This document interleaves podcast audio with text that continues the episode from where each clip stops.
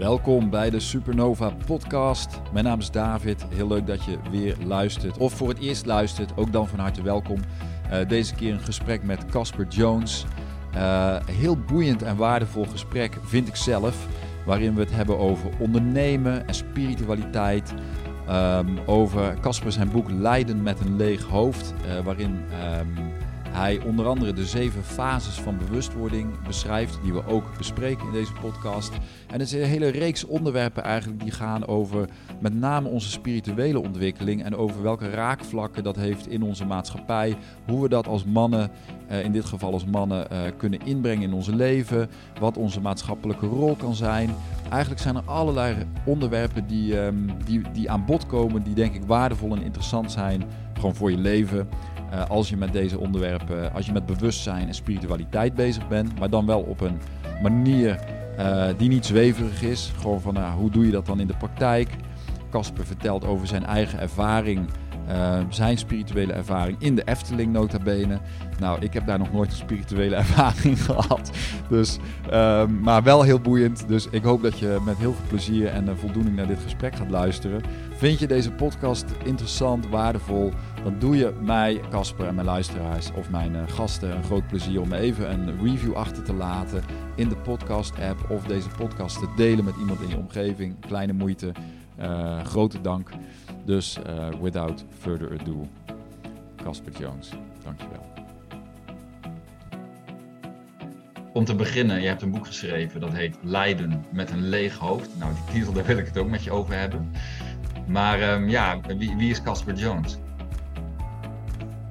Ja, dat, uh, dat vraag ik me ook wel af, uh, David. de laatste ruim tien jaar wat meer dan, dan daarvoor. Rotvraag ook, hè? Ja, dat is wel een rotvraag, ja. ja. Kijk, als, als, als ik het nu helemaal zou, zou, als ik het nu zou beantwoorden, en dat het is natuurlijk nu, dan zou ik zeggen, in essentie ben ik, uh, ben ik bewustzijn. Met daaroverheen een laagje energie en daaroverheen vorm. Hè? Dus, dus dan de tastbare ik. Uh, ja, dat is meer een soort spiritueel, filosofisch antwoord.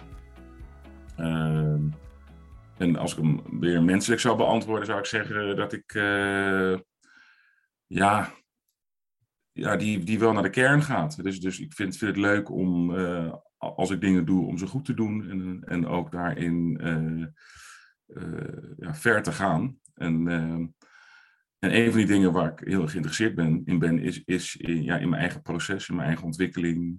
hoe zit dat precies? in de vraag naar wie ben ik nou precies? Ja. En uh, ja, dat... Dat, uh... dat drijft jou mede. Ja, dat drijft Nou ja, het is ook wel een typische generator vraag. Als, ik ben ook een generator, human design. En de human design generators, wat toch een groot deel van deze wereld is, die zijn echt, het ken u zelf is, het echt een superbelangrijke vraag voor, voor ons soort, zullen we maar zeggen. Uh, en, en vaak kunnen we onszelf ook alleen maar leren kennen in de spiegel van de ander. Um, ja. Dus ja, ja, dat is wel mooi. Dus uh, ik herken dat zeker. En ik denk vele mensen die luisteren, die ook bezig zijn met, ja, wie ben ik en hoe, hoe, hoe, wat is mijn expressievorm zeg maar, op deze planeet. Maar goed, jij hebt, jij hebt wel een interessante ontwikkeling meegemaakt. Want je hebt zeg maar, hè, en nu, nu kunnen we wel zeggen van, ja, het is allemaal niet zo belangrijk, het is allemaal buitenkant. En ergens is het ook zo, maar goed, je bent toch uh, zakelijk gezien ook, uh, heb je toch een succesvolle carrière achter je gelaten. En waarom ja. wil ik het ook met je over hebben. Maar goed, jij, uh, misschien kun je daar ook nog iets over vertellen. Ja, dus ik ben uh, notaris uh, geweest. ik heb 17 jaar in het notariaat gewerkt. En de laatste 10 jaar als, als partner en directeur van een, ja, van een middelgroot notariskantoor. En de, dat is uiteindelijk uitgegroeid tot het grootste kantoor in Nederland, met alleen maar notarissen. En uh, daar, daar, ik kreeg heel veel energie van het bouwen aan de organisatie. Dus, dus, dus ook het vak vond ik ook wel leuk. Uh, maar toen ik eenmaal de smaak te pakken kreeg met bouwen aan de organisatie, vond ik dat nog veel leuker, merkte ik. Nou ja. En uh, ja, en uiteindelijk hebben we een vestiging in Amsterdam en in Amersfoort. Hebben we. En ik ben daar inderdaad een jaar of anderhalf geleden mee gestopt, omdat ik ja, al langer voelde dat mijn werk eigenlijk erop zat als, uh, ja, en dan bedoel ik met werk de, aan de organisatie werken. Ze hebben een enorme transformatie doorgemaakt. Uh, vanaf 2012, ik denk tot 2018, dat dat de grootste periode van transformatie was. En in 2018 voelde ik al van, oké, mijn, mijn werk zit hier wel op. En, en hoe, hoe, hoe, kwam dat dan tot je? Je bent mededirecteur of in ieder geval leider van zo'n organisatie en dan voel je wat, wat de energie is op. Wat, wat, wat gebeurde er bij jou? Nou, ik, ik hou dus heel erg van verandering. Ik hou van, van transformatie. Ik hou van ontwikkeling. En, uh, en, van 2012 tot 2017, 18 was er heel veel te ontwikkelen. Omdat we eigenlijk, uh, het, was een bedrijf, het was meer een soort familieachtig bedrijf. Met ook wel hiërarchisch. Ehm, met met ja, heel veel wat zeg maar, vaste patronen. En dat mocht allemaal losgeweekt worden. En, en, en, en, veel meer zeg maar, vanuit uit rollen gaan werken in plaats van uit functies. En veel meer ook de vraag stellen aan elkaar van ja, waar krijg je nou echt energie van? En ga dat dan ook gewoon doen. Dus ik was vooral bezig om, om uh, mensen uh, te, ja, uh, te inspireren, maar ook te begeleiden. En om, om nou echt te doen waar je nou echt energie van kreeg. En dat betekent ook dat mensen ook weggingen uit het bedrijf. Want die ja, maar ik wou net zeggen, werkt dat dan in, in zo'n bedrijf? Want als je zegt, nou ja, je, je, je hebt een bepaalde baan, je bent notaris en je werkt bij een gerenommeerd notariskantoor. En, en, en, en je baas zegt tegen je van ja, ga eens doen waar je, waar je zin in hebt. Ja, weet je, het, eh, uiteindelijk, uh, dat, dat werkt zeker, ja, dat werkt zeker. Als mensen ook echt de ruimte voelen, van oké, dan mag ik dus ook echt gaan ontdekken wat ik, wat ik wil doen. Uh, wat ik al zeg, een aantal mensen zijn. Eén iemand is in de catering gegaan, iemand anders is, is Reiki Master geworden. Uh, maar er zijn ook binnen het bedrijf heel veel verschuivingen geweest. Dus mensen die dus wel uh, op zich bij, de, bij het kantoor op hun plek zaten, alleen nog niet helemaal op de goede plek. Dus die zijn dan. ja, ja. ja, en, en het is ook. En, en, en, dus het is niet zozeer van. ga, nou iets, ga nou iets anders doen, maar meer van waar krijg je nou echt energie van en ga dat ook doen. Dus bijvoorbeeld een ondersteuner heeft gewoon bepaald werk. Maar als je als ondersteuner ook bijvoorbeeld HR leuk vindt, of marketing leuk vindt, of uh, leuk vindt om uh, met, met studentenwerving bezig te zijn, verzin het maar. Al, alles wat je binnen een bedrijf te doen hebt, ja, ga, ga dat dan ook doen. En, het, eh, en wat, we dan, wat we dan deden, was dat gewoon faciliteren. Dus in plaats van te zeggen, nee, maar we hebben een marketingafdeling, dus dat, ja, daar zit jij niet bij, zijn we gewoon het als cirkels gaan organiseren. En gewoon gaan zeggen van, oké, ja, iedere cirkel kan je gewoon in principe, kan iedereen daarbij, mits je commitment hebt en mits je uh, je in, in, intrinsiek op aangaat, zeg maar. En wat deed dat met, uh, wat deed dat met de energie in het bedrijf? Ja, dat, dat, dat ging dus in één keer stromen. Dus dat, dat, dat is eigenlijk, uh, ik, ik, ik wandel iedere dag in het bos, ik heb honden. En ik voel altijd in het bos dat het stroomt. Hè? Dus ik voel dat, die, dat, die, dat, dat, dat de aarde en de bomen, ik ben niet precies natuurlijk, maar dat, dat er is uitwisseling tussen mij en, en, en, en de natuur. En dat voelde ik op een gegeven moment ook binnen het bedrijf gebeuren, dat er steeds meer ging stromen en steeds meer uitwisseling kwam, dus maar op, op lichaamniveau. En uh, ja, dat voelen mensen ook. Weet wel? Mensen voelen dat, dat dat in één keer, oh wacht eens even, we komen dus uit die hokjes en we gaan meer uh, als een soort flow met elkaar werken. Ja, en, en, en uh, kijk, er zijn ook best wel wat mensen weggegaan, want die vonden dat heel spannend. En er zijn natuurlijk heel veel mensen bijgekomen die dat, die dat, dat trok hen aan. Dus het is ook niet voor iedereen. Dat is het ook meteen. Maar voor het bedrijf was het goed. Ja, voor bedrijven in die zin, ja, ik bedoel, wat is goed. Maar als je het commercieel bekijkt, was het heel goed. Want we zijn dus uh, flink gaan groeien daarna. Uh, maar ik denk voor de mensen ook goed. Want ook de mensen die weg, weg zijn gegaan, en de meeste heb ik nog later wel een keer gesproken, die zaten eigenlijk ook weer veel beter op een plek bij een ander bedrijf. Ja. Dus ik denk ook dat we, uh, ja, weet je, een beetje los moeten laten dat, dat, dat een bedrijf een plek, plek is waar iedereen het maar naar zijn zin moet hebben. Ik denk dat, dat je vooral uh, uh, ja, met elkaar moet gaan voelen van oké, waar, waarvoor zijn we hier nou eigenlijk? En dat ook echt gaan doen. En dat zou kunnen betekenen als je vanuit, vanuit uh, ja, dat zou kunnen betekenen dat, dat je daar niks te doen hebt. Ja, en dat is ook goed. Ja, precies. Nou, niet bang te zijn. Ja, dat is nou, natuurlijk... je, verder kijken. Ja, ja, er zit natuurlijk een spanningsveld tussen het loslaten. Daar, daar, daar ligt dan het grote spanningsveld waarschijnlijk.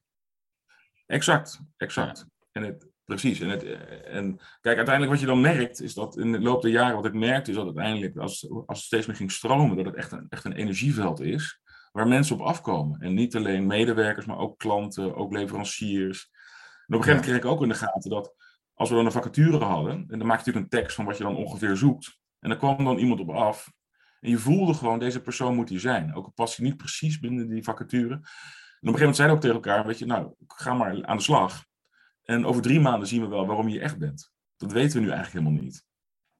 En, het, is het, is op zich revolutionair, zeker in jouw soort werk, toch? Lijkt me. Ik bedoel, heb je het over ja, nou ja, dat is toch een vrij Ehm, een beetje een stijve organisatie, lijkt me dan, hè? mijn beeld van, van een notaris. Of ja, het, ja ik zou zeggen traditioneel, traditioneel. Ja, en vrij hoofdig. Hè? Ik bedoel, dat is ook zo natuurlijk. Wij zitten ook veel in ons hoofd, want we moeten natuurlijk veel lezen. Dus in die zin eh, was het echt wel een ander geluid, omdat dit natuurlijk gaat veel meer over lichaam, gaat veel meer over energie, gaat over uh, ja, al, alles, uh, heel veel, ja, alles waar, waar het hoofd dus eigenlijk niet bij kan. Ja. Ja, ja. en dat, dat, dat ontstond ook heel uh, organisch eigenlijk. Ik, ik, ik, had er verder geen boeken over, over gelezen of zo. In 2012 voelde ik gewoon van, hé, hey, maar ik zat toen in de directie van, uh, volgens mij moeten we het anders gaan doen. En toen begon de reis als het ware. En uh, ja. en jullie hadden daar als directie ook een soort consensus over? Iedereen was aan boord? Nee, helemaal niet. Nee, oh. helemaal niet. Want dat oude notarissen, en die, die hadden zoiets van, de eerste keer dat ik zei dat, dat ik het anders wilde, had ik een soort tien punten gemaakt. En eh, dat ging allemaal over, over het bedrijf, zeg maar. Over, uh, over, over bijvoorbeeld positief mensbeeld. Weet wel, van mensen zijn, zijn creatieve wezens die uh, intrinsiek willen bijdragen, mits je de ruimte geeft en het vertrouwen geeft. Nou, alleen dat al, ja, dat, dat is al, eigenlijk begint het daarmee. En, al, en als, voorheen was het toch meer dat mensen toch een soort productiemiddelen zijn, weet wel, die moeten ingezet worden. Ja. Maar dat, dat klopte voor mij helemaal niet. En uh, dus ik had eerst uh, had ik zo'n tien puntenplan. En toen zei ik van ja, laten we dit dan gaan, zo gaan doen. En toen ja, hadden zij zoiets van ja, ja, nee, laten we dat niet doen. en toen, toen na een half jaar kwam ik terug en had ik zomaar een contract van een ander kantoor. En ik voelde zo diep dat ik dit wilde doen. Van dan ga ik het maar bij een ander kantoor proberen. En toen zeiden ze van ja, nou weet je, ga het maar doen. En ik had het mazzel dat mijn team commercieel heel goed deed. Het was net 2012, net, net na de crisis. Maar ja, het was, er was nog wel zo'n crisis. En mijn team was in die tijd verdubbeld qua omzet. Uh, en de rest was eigenlijk uh, allemaal minder geworden. Dus ze hadden ook zoiets van, ja, die jongen willen we eigenlijk wel behouden. En toen hebben ze ook aan de afspraak gehouden. Dus hebben eigenlijk alle, al die punten hebben ze ook... Uh, je kon gewoon eigenlijk vrijelijk je gang gaan. Ja, en ook omdat zij richting pensioenleeftijd maar gingen, of, of in ieder geval een beetje aan het afbouwen waren, hadden zij zoiets van, nou, nou laten we dan maar nu ook echt ruimte maken voor de volgende generatie. En ja. toen kon ik echt bouwen. En ik had de mazzel dat het bedrijf stond dus verder goed. Alleen eh, er was gewoon, de flow was er een beetje uit.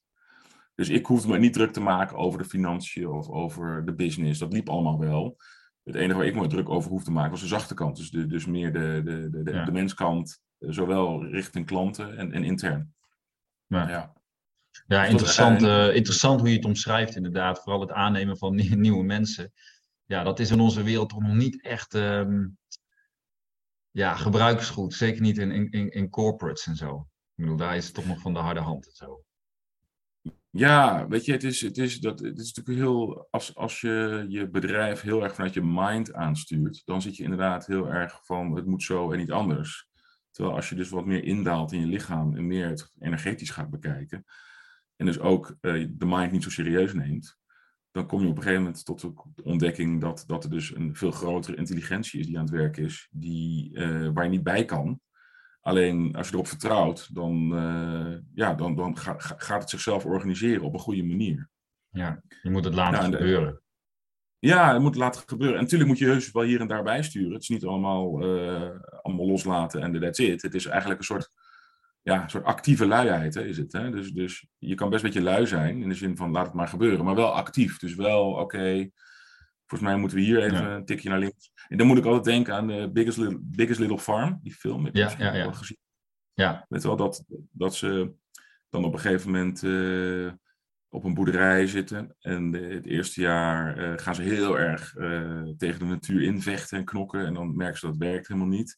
En dan laat het een beetje los, maar wel met die natuur in de, in de lead wel meedenken van oké, okay, dus wel, wel, bepaalde beestjes moeten erin of bepaalde planten. Ja. ja, of bepaalde hekken wel en bepaalde hekken niet, maar wel, de natuur is wel leidend. Alleen jij, jij, jij, jij volgt dus. Ja, en dat, dat is denk ik ook de manier waarop je het beste bedrijven kan uh, aansturen. Ook een, ook een mooi brugje weer naar die generator. Hè? Want um, zoals we dan vanuit Human Design weten, dat een generator moet eigenlijk alleen maar in actie komen in respons.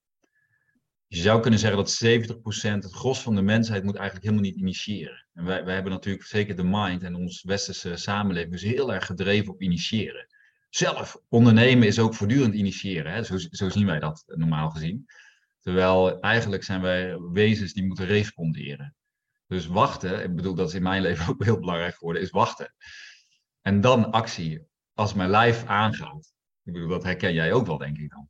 Ja, zeker, zeker. En dat is inderdaad wel moeilijk. En zeker nu, ik heb, ik heb dus anderhalf jaar geen afscheid genomen van het bedrijf. Ik heb ruim een jaar uh, sabbatical gehad, even rustig aangedaan. Zijn met het gezin ook op New York gaan wonen. Nu weer terug in Nederland. En eigenlijk sinds een maand of twee heb ik zoiets van, ik heb wel weer zin om, om aan de slag te gaan. Ik heb wel zin om weer wat te gaan doen. Maar echt ook zo. Dus, echt, uh, ik, dus ik ging ook dingen doen. Maar na twee, drie weken merkte ik al, nee, dit is het niet. Weet je wel? Dit is, dit, dus wat jij zegt klopt. Dus, dus veel meer wachten. Uh, wel intenties uitzetten van wat wil ik nou eigenlijk. En dat in de intentie.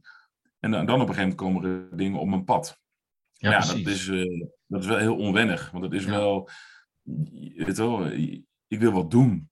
Ja, maar nou. dus als je mij nu vraagt, ben je wat aan het doen? Zou ik bijna zeggen nee. Terwijl ik eigenlijk best wel veel inmiddels weer uh, om handen heb. Maar het voelt ja. niet als doen. Nee. Nee, ja. nou ja, do without doing and the doing gets done, hè, zeggen ze. Ja, precies. De, ja. de Kelt of zo. Nou ja, goed, ik merk zelf ook wel, en dat is misschien, ik denk voor iedereen die luistert en die een generator is, dat dat niet initiëren, dat we hier niet zijn om te initiëren, maar om te respons responsen, responsive te zijn, zeg maar, naar wat het leven ons brengt. En dat kan van alles zijn. Dat is eigenlijk altijd moment by moment. Dus ja, we hadden het net even over jouw boek, daar gaan we het zo ook over hebben. En hoe je dan een boek promoot, bijvoorbeeld ja, je mind kan een hele, op een hele trip gaan van dit moet zo en zo. Maar als je lichaam helemaal niet mee is.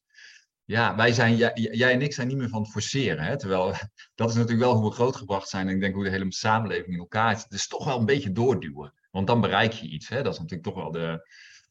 Um, en, en ja, we hebben ook veel bereikt in het Westen. Uh, alleen het heeft ook veel gekost. Hè? Dat moeten we er wel bij zetten. Van, kijk wat dat onze samenleving en als maatschappij kost. En, ja. en, responden en wachten op wat het lijf doet, dat is eigenlijk uh, uiteindelijk toch de betere weg. Alleen ja, de mind, die, die, die vindt dat niet leuk. Nee, nee, die, die, uh, die, wil controle en grip inderdaad. Ja. En, uh, maar het is, het, is wel, het is wel een, een, dun lijntje hoor, want ik, ik, ik, kijk, ik, ik initieer nu ook wel dingen, maar kijk, dat is ook maar net de vraag wat initiëren is. Hè? Want uiteindelijk ben ik er ook wel achter dat in principe alles, alles is er al. Alleen de vraag is, kan je het al zien? Hè? Ja. Dat vind ik wel mooi aan het woord manifesteren, wat gewoon letterlijk openbaren betekent. Dus, dus openbaart het zich voor jou. Hè? Ja. En uh, uh, als ik op die manier ernaar kijk, dan is iets er dus al. Alleen de vraag is, kan ik, kan ik het zien? Ja, kan je het zien? En als het ja. Ja, is het ook goed. Alleen misschien kan iemand anders het wel zien. En dat is een van de Ja. dingen die ik nu aan het doen ben. Is zo ben ik ben aan het ex- experimenteren met cirkels. Ik organiseer cirkels, creatiecirkels waarbij we eh, experimenteren van oké, laten we ons bewustzijn nu eens inzetten om te zien wat, wat, er, wat er wil ontstaan voorbij onze ego's. En dat, ja, dat levert zulke wonderlijke, magische bijeenkomsten op, omdat er altijd iets gebeurt en altijd eh, eh, iets is waar we van voelen. Niet iedereen, maar wel een aantal van oké, dit, dit hebben we dus blijkbaar te doen. Dus dat gaan we dan ook met elkaar doen. Dus er is dan ook follow- follow-up op. Maar het is dus, ja, voorbij de mind. Ja. Ja. Nou ja, goed, ik merk ook wel dat, dat, dat, dat eh, respons wil niet zeggen dat je gewoon op je luieren zit. Hè, er zijn allerlei dingen die je gewoon kan doen omdat je voelt van ja, ja dat, dat kan natuurlijk van alles zijn. Maar het, het forceren van het leven, dat is meer dat dat niet gaat. Hè. Wat jij zegt over manifesteren, dat is wel een, mo- mo- een mooie. Het hoeft niet geforceerd te worden. Maar Nee, vaak, nee, op het moment dat je het, misschien heb je ook wel inner vision als, ehm, als soort van zesde zintuig. Als je het voor je kan zien, ja, dat is het allermooie. Dan weet je van oké, daar komt het een keer naar je toe. Hoe het gaat komen en via wie en via welke connecties, ja, dat, dat hoef je nog niet te weten. Want dat is een kwestie van, ja, die mensen moet je soms nog tegenkomen. Dat is natuurlijk een heel andere manier van, van creëren en manifesteren dan, ehm, ja, we gaan dat nu even uit de grond stampen. Ja, maar wat je zegt, dat, dat, lukt, dat lukt mij ook niet meer. Ik was ook, toen ik eh, stopte met mijn werk, toen dacht ik, eh, toen ben ik naar Mallorca gegaan, daar hebben wij nog over gehad. Ja. Toen dacht ik, nou ga ik in de tussentijd maar een beetje coachen, want het is leuk om een beetje bezig te blijven. En ik heb een eigen website, eh casperjones.nl. Maar ik, mijn handen wilden het gewoon niet typen. Het lukte gewoon, mijn lichaam, die zei gewoon Ja. nee, ga, gaan we niet doen. Ja. En uh, pas een jaar later ben ik weer met die website bezig geweest. En toen lukte het in één keer om. Uh, ja, toen ging het eigenlijk als vanzelf. Binnen een halve dag had ik die hele site gevuld. Met dingetjes waar ik van voelde van oké, dat heb ik wel te doen. Ja, nou, ik, ik denk dat het heel voor mij is het heel herkenbaar. En dat is volgens mij ook een generator die gewoon in zijn design komt. Deconditioneren van die mind. En dan uiteindelijk weet je ook van, ja, ik weet ook van mezelf, als ik soms een paar weken ergens niet inkom, dan zeg ik, nou, als ik aanga, komt het wel, dan is het in een dag klaar. Vertrouw er maar op. En, en dat is denk ik de grote, ja, dat is eigenlijk een hele mooie reis. Je weet gewoon van, nou, alles wat ik nodig heb in dit leven, dat komt wel tot me, of dat gebeurt wel als ik gewoon zolang ik dat live volg. Ja, alleen, ja, sommige mensen vinden dat krankzinnig, maar het is wel hoe het werkt uiteindelijk. Ja, ja, ja, en weet je, en het is natuurlijk ook, ik heb natuurlijk de mazzel dat ik wel wat buffertjes heb kunnen opbouwen. Uh, ja. En, dus ik, ik, heb, ik heb nu geen uh, financiële druk, zeg maar. Het is niet zo dat ik nooit meer hoef te werken. Ik moet echt nog wel wat geld verdienen. Maar ik heb, voel nu geen financiële druk. Dus ik kan me wel voorstellen als, als je dat uh, als dat wel meer is, ja, dat het dan nog ingewikkelder is eigenlijk. Omdat je dan. Nou, ik hoorde een uitspraak deze week, een uitspraak van Ra. Ra is dan de grondlegger van Human Design. En die zei van als je dus je strategy en authority volgt, hè, dus je beslissingsautoriteit, en die beslissingen niet meer met een mind neemt, die beslissingen die kloppen dan dus. Dus de kwaliteit van die beslissing is veel hoger. En de kwaliteit van de beslissingen die vanuit de mind worden genomen, die is van een veel lagere kwaliteit. En die wil helemaal niet zeggen dat die resultaat oplevert. dus ja, ik, ik ben er zelf ook mee gaan experimenteren. Van oké, als ik nou wacht en ik vertrouw op de flow, daar zit misschien niet altijd een hele strategische lijn in. Dan klopt dat wel voor mij. En daar, ik vertrouw op dat proces eigenlijk. Volg je? Ja, mooi. Ja, ja, ja maar dat, dat herken ik heel erg. En, maar het gekke is dat ik dus dat eigenlijk in die periode van 2012 tot 2020 heb ik dat heel erg extreem gedaan. toen was ik me daar helemaal niet zo heel bewust van. Maar ik, ik voelde elke keer voelde ik een soort klik in mijn lichaam. dacht, oh, oké, dat heb ik te doen, prima. En dat deed ik ook gewoon. Ook inderdaad. En ik moet zeggen dat nu uh, ik dat minder heb. Is dat ik, dat ik dan nog wel een keer een klik voel. Maar dat ik dan wel merk van... Uh, ja, dat, dat, dat, ik, dat ik dat meer challenge of zo. Dus, dus, dus het lijkt wel alsof ik nu in een soort minder flow zit dan voorheen. Ja, je, omdat je mind misschien iets meer ruimte krijgt. Ja, misschien. En ook omdat ik wel, uh, zeg maar, uh, voorheen minder. Uh, ik, ik kon wel, zeg maar, goed, goed die klik voelen. Maar ik voelde niet goed de emoties daaromheen of zo. Weet wel? Het was gewoon een klik, ik ga het doen en niet te veel nadenken. En nu voel ik veel meer emoties. Dus nu voel ik veel meer onzekerheid of twijfel of angst. Of, of uh, omdat ik wat, ja, toch nog meer in mijn lijf zit.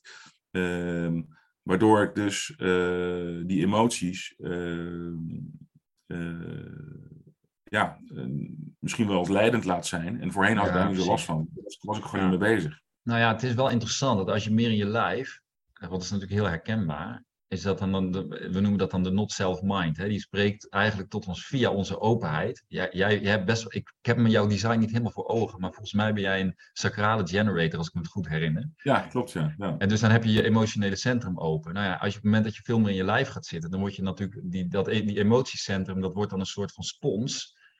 Um, en die openheid die is ook een receptor voor alles van buitenaf. Weet je, want die, dit gaat ook uitvergroten. Dus je kan zeker veel gevoeliger worden voor angsten kunnen hele oude kinderangsten zijn of uit de omgeving. Gewoon veel gevoeliger eigenlijk. En, ja, en dat is ook waar de mind vaak gebruik van maakt. Want die zegt, nou ja, wacht even, dit gaan we niet doen. Want dat is onveilig bijvoorbeeld, hè? Ja, nee, precies. En dus voorheen was ik daar veel in, uh, had, ik dat helemaal niet aanstaan. Dus dan uh, was het gewoon klik doen. En nu heb ik dus, uh, nu komen al die emoties erbij. Wat ik aan de ene kant heel fijn vind, want dat is natuurlijk voor mij ook leven, weet je wel? Het gewoon doorvoelen van die emoties en wat, wat willen ze me zeggen. Ja. Maar ik merk dat het in de termen van beslissingen nemen wel weer wat uh, uh, vertroebelt of zo. Maar ja, ja dus toch wachten dan. Hè? Ik bedoel, eh, als het gaat om het kader van wachten met een beslissing. Als ik geen helderheid heb, dan wacht ik ook met een beslissing nemen. Maar goed, dat is ook, hè, dat is natuurlijk uiteindelijk een experiment voor iedereen. Ik denk dat dat wel, ja, als ik, als ik een dikke ja voel, ja, dan is het gewoon een dikke ja ergens op. En dan, dan kunnen de dingen heel snel gaan. Dus mijn interpretatie is dat op het moment dat ik helemaal geen ja voel en ik weet wat een ja is, als ik die niet voel, dan is het dus een nee, totdat er iets verandert. Ja, ja mooi. Ja. Nou ja, maar even over jouw boek, Leiden met een leeg hoofd. Um, ja. Vertel eens even over wat, wat, wat bedoel je met lijden met een leeg hoofd? Ja, er zitten ook best wel veel lagen in, eerlijk gezegd. Hè? En, en dat het begon eigenlijk met uh, die periode van 2018 tot 2020, denk ik, de laatste paar jaar. Toen ik uh, zeg voorzitter was van mijn kantoor. Dat was ik al langer, maar vooral die laatste twee jaar. Dat ik uh, een soort tactiek had of, of werkwijze. Dat ik, op het, ik, kwam, ik kwam op een kantoor lege inbox, leeg bureau, leeg hoofd. En gewoon gaan voelen van waarom ben ik hier vandaag? Wat heb ik hier te doen? Dan liep ik ook een rondje en ging een beetje kijken, een beetje voelen. En dan wist ik eh, binnen een half, half uur, een uur, had, kreeg ik gewoon informatie binnen van, oh ja, ik moet even centraal bericht uitsturen, ik moet even die spreken, ik moet even die klant bellen. En dan vaak binnen een uurtje was ik dan ook wel klaar. Want dan wist ik gewoon, oké, dat daarom ben ik hier vandaag. En uh, ik voelde ook meteen wanneer het ook klaar was. En het was mega. En ook als ik zeg maar dingen zag waar ik voorheen dan zeg maar ging proberen op te lossen, voelde ik ook nee, dat, is niet, dat hoef ik niet te doen. Dat is niet voor mij. Dat is voor anderen. En uh, dus dat was een uh, hele efficiënte manier van, van het kantoor leiden. Wow. Want ik was letterlijk in een paar uur per dag klaar. terwijl ik voorheen bij wijze van 12 uur werkte. Dat is en, super efficiënt, hé. Ja, heel efficiënt. Zo. En, en er was ook, ook geïnspireerd door Herman Wijfels. Want ik had zo'n podcast van hem geluisterd toen hij nog voorzitter was van de Rabo. En toen vertelde hij ook van... Eigenlijk vertelde hij dit ook in, in meer of mindere mate. Hij had ook een leeg bureau, een lege inbox. Hij zei niet expliciet leeg hoofd.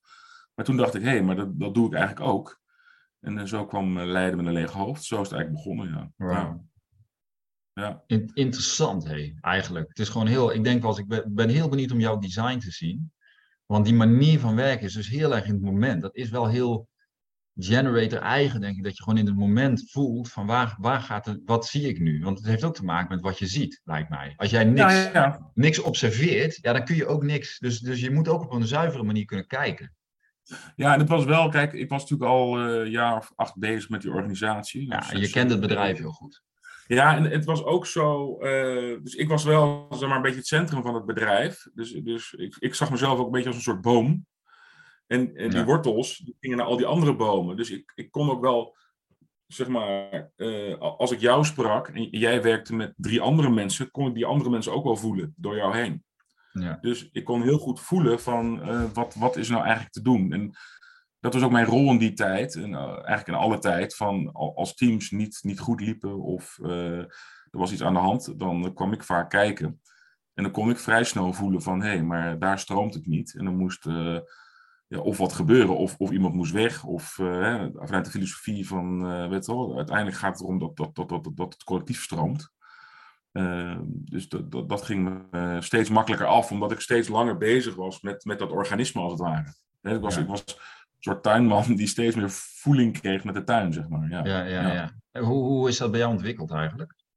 Of is het allemaal, wat je Ja, intuïtief. Ja, altijd vanzelf ja, eigenlijk, eh, ik ben wel sinds 2012 wel bezig met uh, de reis naar binnen. Hè. Dus toen, toen ontdekte ik van, hé, hey, er is meer dan... Uh, dus toen, dat is eigenlijk ook even, als je het over het boek hebt, hè, dat, dat heeft zeven hoofdstukken.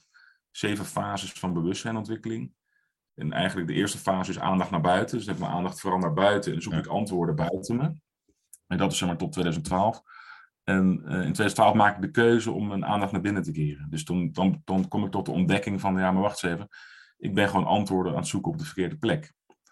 En uh, die, uh, die keuze is niet zeg maar, op één dag geweest, maar was meer een soort een paar maanden. Ik had, ik had, ik had een burn-out. Uh, ik had geen, weinig contact met mijn kinderen, kwam ik toen achter, jonge, jonge kinderen. En ik was in gesprek met meerdere ondernemers die klanten van me waren, oudere, vaak wat oudere mannen. Daar trok ik altijd naartoe. En die zeiden eigenlijk allemaal, ik zou één ding anders doen in mijn leven. En dat is, uh, toen mijn kinderen nog thuis waren, meer contact met mijn kinderen. Want ze zijn nu het huis uit. En ja, nu, nu zie ik ze gewoon weinig. Dat vind ik echt een gemiste kans. En toen dacht ik, weet je, ik wil gewoon meer contact met die kinderen. En dat ging ik dus proberen. Maar toen merkte ik, ja, dat lukt me gewoon niet. Het lukt me niet om, want mijn hoofd is all over the place, eh, vaak bij mijn werk.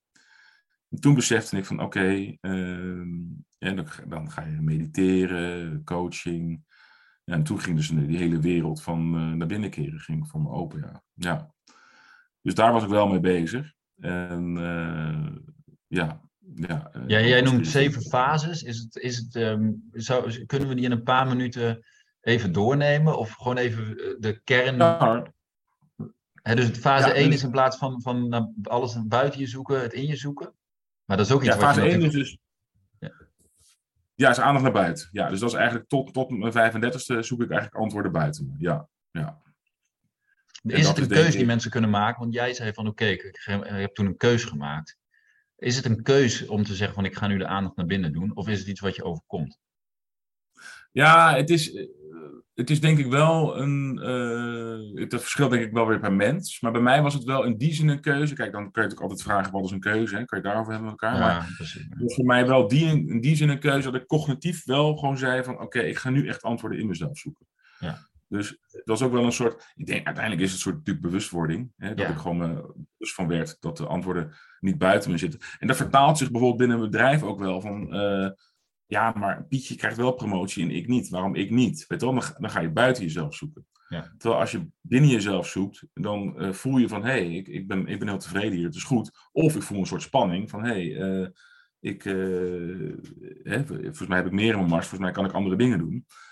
Dus Ehm, ja, maar in ieder geval, ik denk, ik denk wel dat. dat, dat ja, het is wel ergens een bewustwordings of een, een stap in ieder geval waarmee je kan zeggen van nou, ik ga niet iedere keer meer, ik ga het eens bij mezelf zoeken. Dat is het Zo simpel ja. ja. Oké, fase 1. Fase 2. Ja. ja, fase 2 is dus de keuze en dat duurde bij een paar maanden. en dan fase 3 is dus de aandacht naar binnen. En die fase duurt bij mij zo'n acht jaar. Waarbij ik acht jaar lang uh, eigenlijk mezelf de hele tijd aan het afpellen ben. Hè? Dus, dus, dus, middels coaching, middels uh, retraites, middels het lezen van boeken. En dat ben ik dus niet uh, acht jaar lang alleen maar aan het doen. Het zijn ook fases, weet je wel. Het komt en gaat. Een van de dingen bijvoorbeeld wat mij heel erg heeft geholpen is een hond. Toen, uh, moet ik even goed zeggen, in 2018 kregen wij een hond. En door die hond ben ik heel veel in het bos gaan wandelen. Ah, en door die uh, iedere dag een uurtje in het bos wandelen, had ik dus een uur lang rust, een uur lang met de bomen. En toen merkte ik dat contemplatie heel erg bij mij werd gestimuleerd. Dus en contemplatie is eigenlijk een soort van denken, maar dan een soort ja, dans tussen tegenstrijdigheden. Dus, uh, en, en dat zorgde er weer voor dat, dat, dat, dat, dat ja, dat, dat, uh, dat ik weer een soort verdieping in mezelf kreeg. Weet wel? En dat, ik, dat ik weer een stukje voorbij mijn mind kon gaan. Ja, interessant. dus, dat, ja, dus dat is de aandacht naar binnen, dat is de, de derde fase. En toen de vierde fase, dat, is, dat noem ik de doorbraak. En toen kreeg ik een uh, spirituele ervaring in de Efteling, uh, in 2020 in de zomer. In de Efteling, of all places? Ja, in de Efteling, ja. ja het is echt een beetje ik heb daar verder van, mijn, mijn ervaringen van de Efteling zijn eigenlijk altijd dat het eindigt in een drama. Zo'n zo pretpark. Aan het eind van de dag is iedereen totaal overprikkeld. Ja, totaal verprikkeld, helemaal vol met suiker. Uh, precies, misselijk van de achtbanen. Maar goed, vertel nee, Ja, ik ga dus niet in die attracties en zo, maar mijn kinderen wel. Ik was met mijn dochter en mijn zoon. Z'n drieën waren we. En ik, ik, uh, ik vind het heerlijk om daar gewoon rond te lopen met een kop koffie en gewoon naar de mensen te kijken. En ik, ik ben heel gevoelig voor energie tussen mensen. En dat verklaart me ook wel de Efteling, want dat is natuurlijk heel erg ouder-kind energie. Waar ik het doorheen loop, zeg maar. En dat heeft blijkbaar uh, iets bij me gedaan, waardoor ik, uh, ja, op een gegeven moment, dat me gewoon. Enorm tranen in mijn ogen. Ja, enorm gevoel dat mijn zintuigen keer honderd aangingen. Een soort, soort, psychedelische trip, maar dan nog eigenlijk nog intenser. En ik voelde heel erg van, oh ik, ik, ik, ik stond dus tussen, tussen mensen en ik voelde ik wil naar, naar de bomen toe. En ik ben helemaal gek op bomen. In de verte zag ik een paar bomen. Ik ben daar naartoe gelopen. En ik keek naar die bomen en ik dacht, holy shit, we kunnen gewoon met elkaar praten. Ik, ik voel gewoon dat we verbonden zijn. En toen zag ik links een, eh, een hele grote steen liggen. En het leek wel, het voelde als een soort paard in de energie. En toen keek ik ernaar, toen dacht ik, oh nee, het is een steen. En toen ging ik het aanraken, toen voelde ik een soort hartslag. En, uh, nou, en op een gegeven moment liepen er in de verte wat mensen langs, ging die mensen aankijken. dacht ik, hé, hey, ik, ik, ken jullie al duizend jaar. Dus een hele profound gevoel, diepgaand gevoel van verbondenheid met alles. En het leek inderdaad wel, ik beschrijf het ook wel als alsof het gordijn van het leven even opzij gaat. Dat je even de, voelt dat binnen en buiten geen verschil uitmaakt, dat het allemaal één is.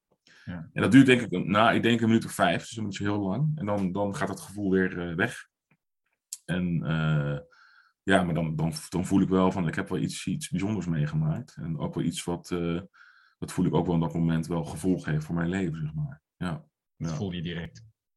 Dat voelde ik wel, ja. En ik had wel, ik was toen al in contact met, uh, met twee oudere mannen, wat wijzere mannen, zeg maar. Dus ik had hun allebei even apart geappt van, hé, hey, dit is me overkomen. En ze zeiden allebei, uh, ja, waarschijnlijk is het een eenheidservaring. Ja, en uh, hou gewoon voor de komende periode gewoon heel goed geaard blijven en laat het maar een beetje over je heen komen. En toen, dat noem ik de, de, de vierde, de vijfde fase, is dan magie, noem ik dat. Dat duurde een maand of drie, dus na die doorbraak.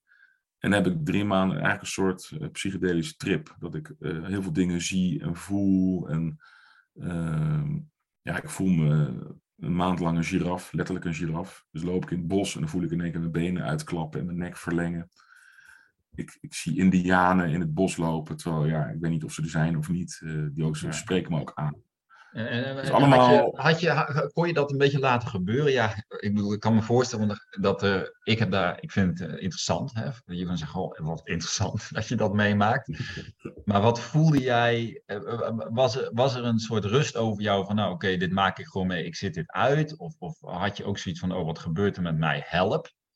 Hè? Ik bedoel, hoe, hoe, hoe maakte je dat mee dan? Nou, eigenlijk gewoon totaal in verwondering. Dus ik vond het heel, oh, ja. heel mooi. Het was echt een soort film of zo. Ja, een soort, het leek bijna wel echter dan mijn, dan mijn normale leven, zeg maar. Weet wel? Dus het voelde eigenlijk heel kloppend. Ik, als ik dan in het bos liep en ik voelde dat ik een giraf werd, vond ik super relaxed. Ik voelde me heel ontspannen.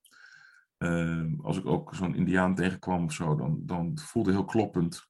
Nee, dus ik was eigenlijk totaal in verwondering. Terwijl zo dat mijn vrouw, uh, die vond het heel spannend. Die was wel een beetje bang dat ik doordraaide. Of dat ik, uh, ja, ja, die dacht van hij komt in een psychose of zo. Ja, precies. Kwam thuis, had ik weer allerlei verhalen dat ze dacht van... Hmm. Ik zag ook overal verbanden, weet je wel. Ook de meest ja. verbanden kon ik dan uh, leggen. Dus, dus het is meer dat, dat mensen van buiten inderdaad wel hun zorg uiten. En dat had dan weer effect op mij. Maar de ervaring zelf vond ik fantastisch. Ja, heel fijn. Heel fijn. En dat was na drie maanden, hebte dat dan weg of zo?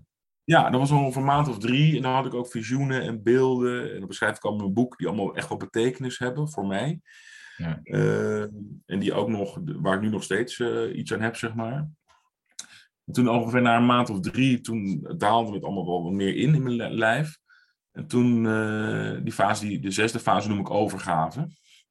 En dat is eigenlijk, ja, dat, dat ik me dus overgeef aan het leven.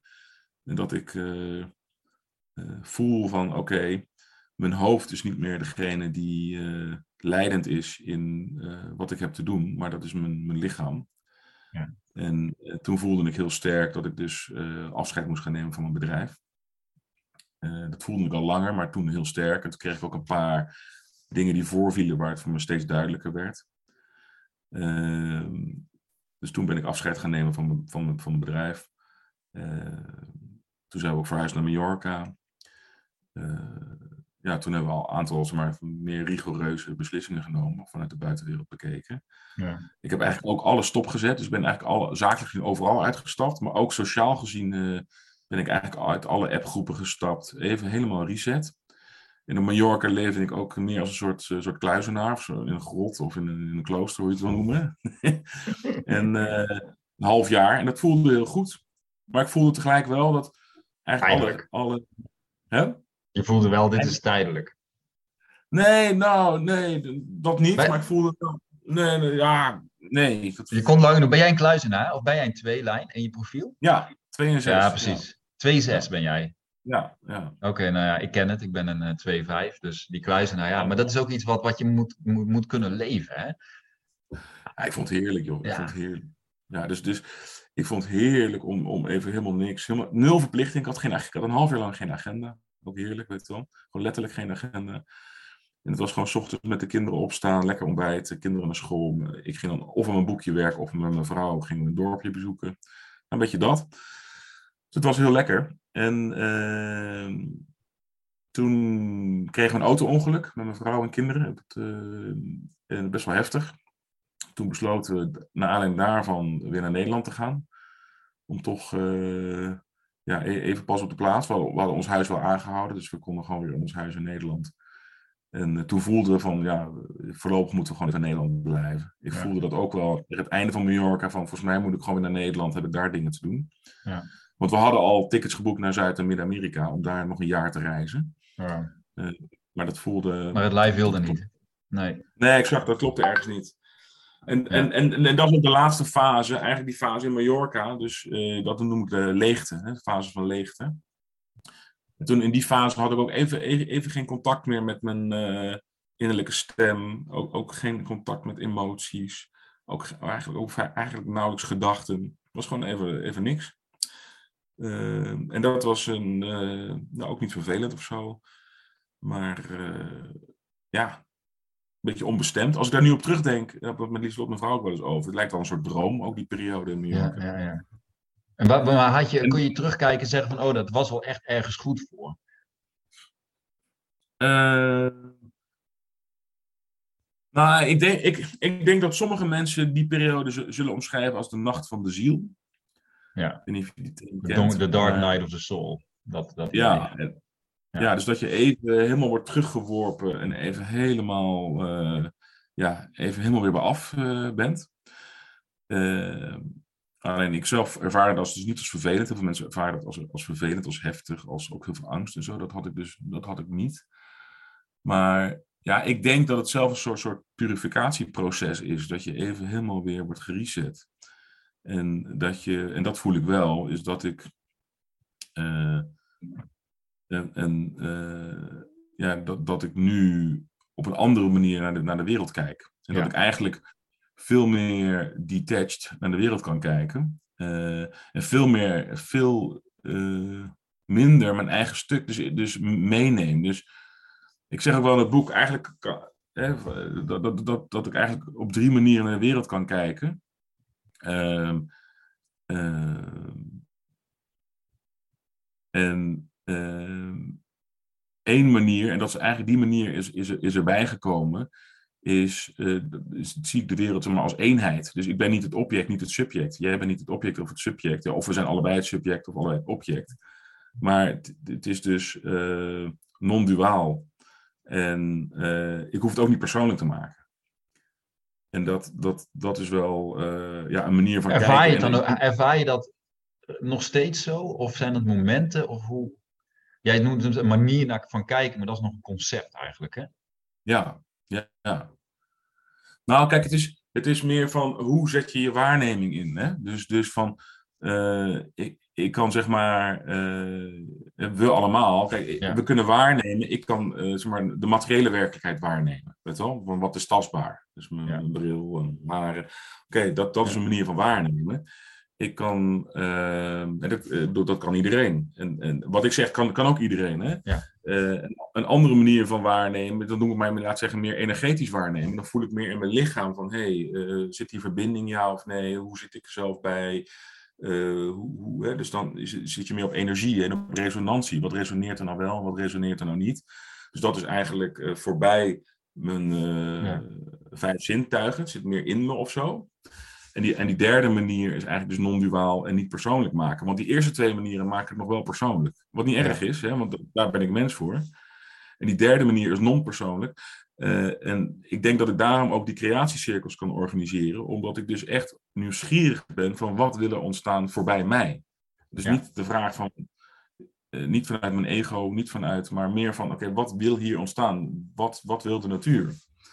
Uh, dus ik denk dat dat, dat, dat het brengt. Uh, ja, want er is natuurlijk ook een. Mee te doen. Ja, ja, er is natuurlijk ook een, een. Ja, het moet iets brengen, als het ware. Het is niet alleen maar een soort van. Ja, ik besta niet meer. Nee, maar het is, meer dat je jezelf, het is meer dat je jezelf dus echt aan de kant even kan zetten. Ja, en het is, kijk, ik ben nog heel erg ontdekkende, want het is natuurlijk in die zin nu niet zo lang geleden. Dus ik ben ook ontdekkende van hoe, hoe kan ik dit inzetten. Ja. En, ik, en, en ja, waarschijnlijk niet toevallig, maar ik, een tijdje geleden las ik een boek van Jamie Sams. Zij is een uh, Native American. Uh, en zij is denk ik een jaar of 60, ruim 60. En zij beschrijft in haar boek Dancing the Dream, beschrijft ze haar eigen proces. En dat, dat proces is gekoppeld aan uh, haar indianenstam. Dus die erkennen ook, zeg maar, die stappen. En ik had mijn boek al geschreven, waar zij beschrijft zeven fases van bewustzijnontwikkeling. Ja. En bij haar is de zesde fase, noemt zij, noemt zij de grote leegte, of Hunapku. waarbij zij uh, volgens de traditie van haar stam uitlegt dat dat, dat dat een fase is waarbij de ziel reist naar het centrum van het universum. En dat is Hunapku, en dat is bij hun het centrum van de Melkweg. En bij haar duurde die periode ook uh, een half jaar. En ze beschrijft ook dat ze in die periode geen dagelijkse verplichtingen kon hebben. En dat ze ook fysiek geen inspanning wilden. En dat ze uh, totaal detached voelde met mensen. En dat ze daarna, eigenlijk als ze weer uit die leegte klimt als het ware, dat ze dan voelt van oké, ik heb er zin om te gaan sporten. Ik heb er zin om tussen de mensen te zijn. Maar dat is ook een proces, dat kost tijd. Ja, dus wel interessant. En, en, en ik denk dat er bepaalde fases, die zijn natuurlijk ook wel in andere culturen ook beschreven. Hè? Dus ontwakingsfases. En ik zie ook wel bepaalde van die fases in mijn eigen leven die helemaal niet. Er is niet een, een soort van vast stappenplan. Het zal bij iedereen een beetje anders zijn. Maar er komen natuurlijk wel heel veel. Er is wel veel overlap. En wat dingen die jij vertelt, die herken ik ook wel. Ik denk, oh ja, ik heb ook zoveel jaren gewoon naar binnen gekeerd. Bijvoorbeeld. Ja, nee, zeker ja. ja maar jij, jij, hebt. Uh, uh, en en zo'n eenheidservaring, maar dat heb je natuurlijk ook, zeg maar, als je, als je in Bali, kan me voorstellen, bij de zee staat of zo, of weet ik veel. Nou, en, ik heb natuurlijk ook wel met plantmedicijnen, een beetje hulp. Hè? Soms, ja, weet je, uh, daar heb ik dat wel zeker ervaren. En soms kan het ook na-ebben. Weet je, ik hoor ook wel mensen die staan hier onder een waterval. En die hebben dan ook een eenheidservaring. Dan verandert gewoon, in dat, op dat moment verandert hun, hun bewustzijn en hun de waarneming. Van hoe kijk je naar de wereld, die verandert dan. Ja, maar ik denk ook dat eenheidsbewustzijn, dat, dat dat de default ook is. Dat we ons helemaal niet bewust van zijn dat dat... Dat zijn we vergeten eigenlijk, ja. En dat we, zodra we in ons hoofd... Kijk, hoe ik het zie, uh, dat, dat is ook wat ik in het boek beschrijf. Dus dat je hebt inderdaad twee dingen. Je hebt de waarnemer en je hebt het processen van de waarneming in je hoofd. Hmm. Want in mijn hoofd staat niet verbonden met de werkelijkheid. Die, mijn hoofd krijgt informatie door en die maakt een soort werkelijkheid. En wat ik dus heb ontdekt is dat enerzijds die waarneming, uh, uh, uh, naarmate ik verder ben in een proces, kan ik steeds zuiverder waarnemen. Dat is één. Ja. Maar twee is, is dat, en dat is mij, volgens mij gebeurd tijdens die doorbraak in die periode van magie, in de periode daarna, dat mijn processen als het ware uh, gegaan is van een duale processor naar een eenheidsprocessor. Dus mijn hoofd kan nog steeds duaal processen, als hij dat wil, maar hij kan ook als eenheid uh, processen. Ja, alsof een kanaal is opengegaan. Ja, exact. Of nou, eigenlijk is een soort schot eruit getrokken. Dus er zat een soort schot tussen mijn... Ik heb ook letterlijk, dat beschrijf ik ook, eh, dat ik voel dat mijn linker en rechter hersenhelft, dat, dat, dat het stroomt. Dat ik, voel, dat ik het voel klotsen als het ware van links naar rechts, oh, ja. een soort vloeistof. Ja. Uh, dus het lijkt net alsof er schot uit is getrokken. En dat ik daar ook in die, in, dat was ook in de periode van magie, dat ik daardoor ook heel veel in één keer verbanden kan leggen. En dat er een soort tsunami in informatie binnenkomt. Ja. Maar ja, dus, dus kijk, en uiteindelijk, als je praat over. Uh, uh, en ik denk dus dat. En dat is wat ik ontdek, is dat ik eigenlijk al die tijd. Mijn centrum van bewustzijn zit in mijn hoofd. En mijn hoofd is een duale processor. Dus mijn hoofd. Uh, ja, dus, dus, mijn werkelijkheid is dat alles duaal is. Altijd. Uh, ja. nou ja, snapt het dan? Ja. en op een gegeven moment bij die doorbraak in die periode zakt als het ware het centrum van mijn bewustzijn naar mijn hart. En, en weer een jaar later, eigenlijk uh, tijdens die periode van leegte, zakt het naar mijn lichaam. Dan voel ik letterlijk, ja, ik kan niet helemaal uitleggen, maar die centrum van bewustzijn in mijn lichaam zakken. En ik voel ook dat dat de, de, de default plek is van, van, van het centrum van bewustzijn. En dat, uh, ja, en wat je zegt, ja, wat, wat kan je ermee? Goeie, vraag, ja. Dat, uh, nou ja, bewustzijn, het begint natuurlijk wel allemaal zonder een heel filosofisch. Maar ja, goed, aan de andere kant is het ook wel fijn om te... Mensen willen toch ook, we willen ook wel graag begrijpen wat er gebeurt natuurlijk. Maar ik denk wel dat de waarnemende bewustwording, ja, die is natuurlijk wel essentieel. Als ik in mijn, in mijn, uh, vanuit een slachtofferbewustzijn in deze wereld ben bijvoorbeeld, ja, dan helpt mij dat niet. Nee, dus, dus ik denk wel dat die fases. Uh, ja, jij noem, noem, je het fases van bewustwording? Of? Ja, ik noem het wel uh, fases, ja. ja, ja of, die, of, dat, of dat is dat boek van die mevrouw van die Indiaan die je zei. Van dat zijn de fases van bewustwording. En dat is het dan misschien uiteindelijk gewoon. Ja, ik denk, ik denk ook dat dit wel een, een soort universele fases zijn waar, waar, iedereen in, in, meer of mindere mate doorheen gaat. En de een ervaart het wat bewuster en de andere wat minder bewust. En bijvoorbeeld, uh, ik heb zeg maar een, die leegte ervaren gedurende een half jaar. En ik ben nu ruim een half jaar bezig om er weer uit te kruipen. En dat gaat allemaal heel, uh, ja, gewoon langzaam. Het zijn langzame processen. Maar eh, dat verhaal van Eckhart Tolle, die beschrijft dat hij eigenlijk in, in, één, in één middag volledig door zijn hoeven zakt, zeg maar. En Ehm, dus, dus die heeft zeg maar één moment waar, waarop, eh, als ik het zo vrij, als ik het een beetje zo, zo van afstand bekijk, maar dat, dat hij eigenlijk bepaalde, sommige fases, zeg maar drie of vier fases, eh, gewoon in één keer ervaart. Ja. En, en, Dan heb je gewoon een ontwakingsshock eigenlijk. Ik bedoel, dat hoor ja, exact. Nee, precies. Ja. ja. Dan, dan, dan word je in één keer wakker in een ander bewustzijn. Want ja, hoe zou je het anders... Dat, dat is het enige hoe je het kan omschrijven. Nee, exact, exact. Dus dan, dan, gaat, dan gaat het in één keer en, eh, gaat het heel snel. En, maar ik denk, ja, uh, het is allemaal niet. Uh, ja, en, en, en dus dat is ook een beetje dat ik mijn, het boek ook heb geschreven. Is natuurlijk eerst ook voor mezelf. Om, om, ik merk dat door het schrijven van het boek, dat mijn eigen proces, zeg maar, uh, ja, dat, dat ik er daarmee steeds meer duidelijkheid over kreeg. En anderzijds ook om anderen die hiermee bezig zijn, wat, wat, wat, wat inspiratie en houvast te bieden. Ik merk dat als ik boeken lees, dan uh, vind ik het fijn als dingen herken. Dan denk ik van, oh ja. Inderdaad, ik ben hier niet de enige die uh, gek is. Ja, precies, precies. Hè? Geeft herkenning. Ah ja, geeft, zeker. Ik, bedoel, ik heb ook fases gehad dat ik dacht van, ja, ben ik nou gek of uh, bij, bij, wie zit dit nou? En dan is het wel fijn om te weten, van, om uiteindelijk gewoon te weten, oh nee, ik sta nog met mijn voet op de vloer. En uh, dit zijn gewoon inderdaad ervaringen die je meemaakt, die dus ook achteraf gezien gewoon super belangrijk zijn. Maar vaak begrijpen we op het moment niet. Hè? Bij, zeker als je het hebt over een soort van transcendente ervaringen of eenheidservaringen, dat, dat begrijpen op dat moment niet van ja, wat gebeurt er nou eigenlijk met mij?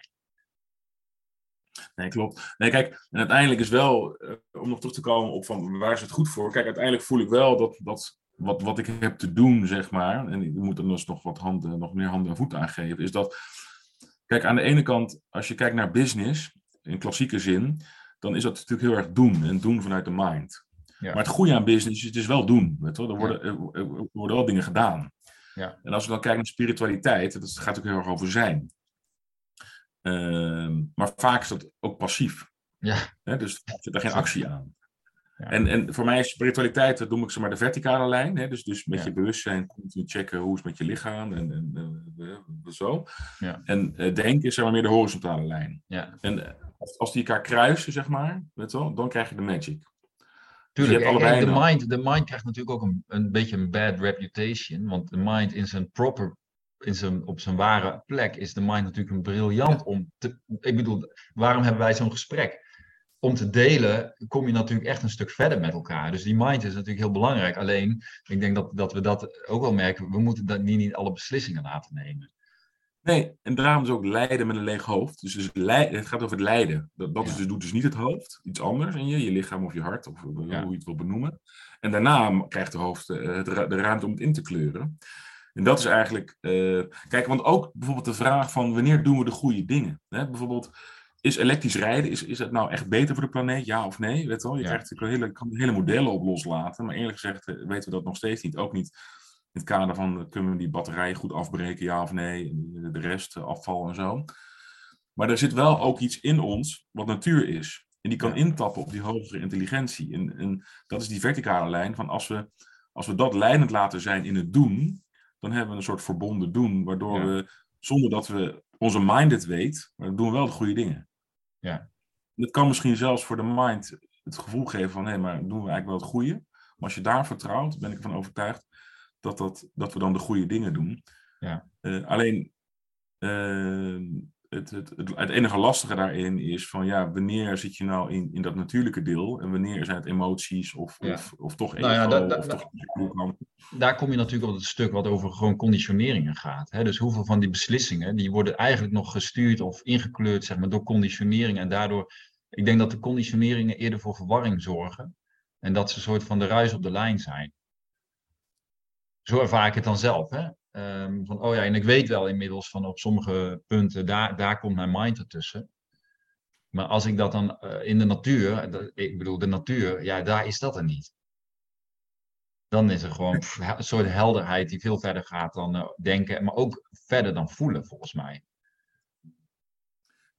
Ja, mooi ja. Verder dan, ja, voelen, ja, voelen is, is, is sowieso een ingewikkeld woord, vind ik. Ja. hè, want wat is voelen nou eigenlijk? Ja. En, eh, eh, maar voor mij is het inderdaad is toch het goede woord wel eh, resoneren. Hè? Dus dat ik voel dat al mijn cellen erop aangaan.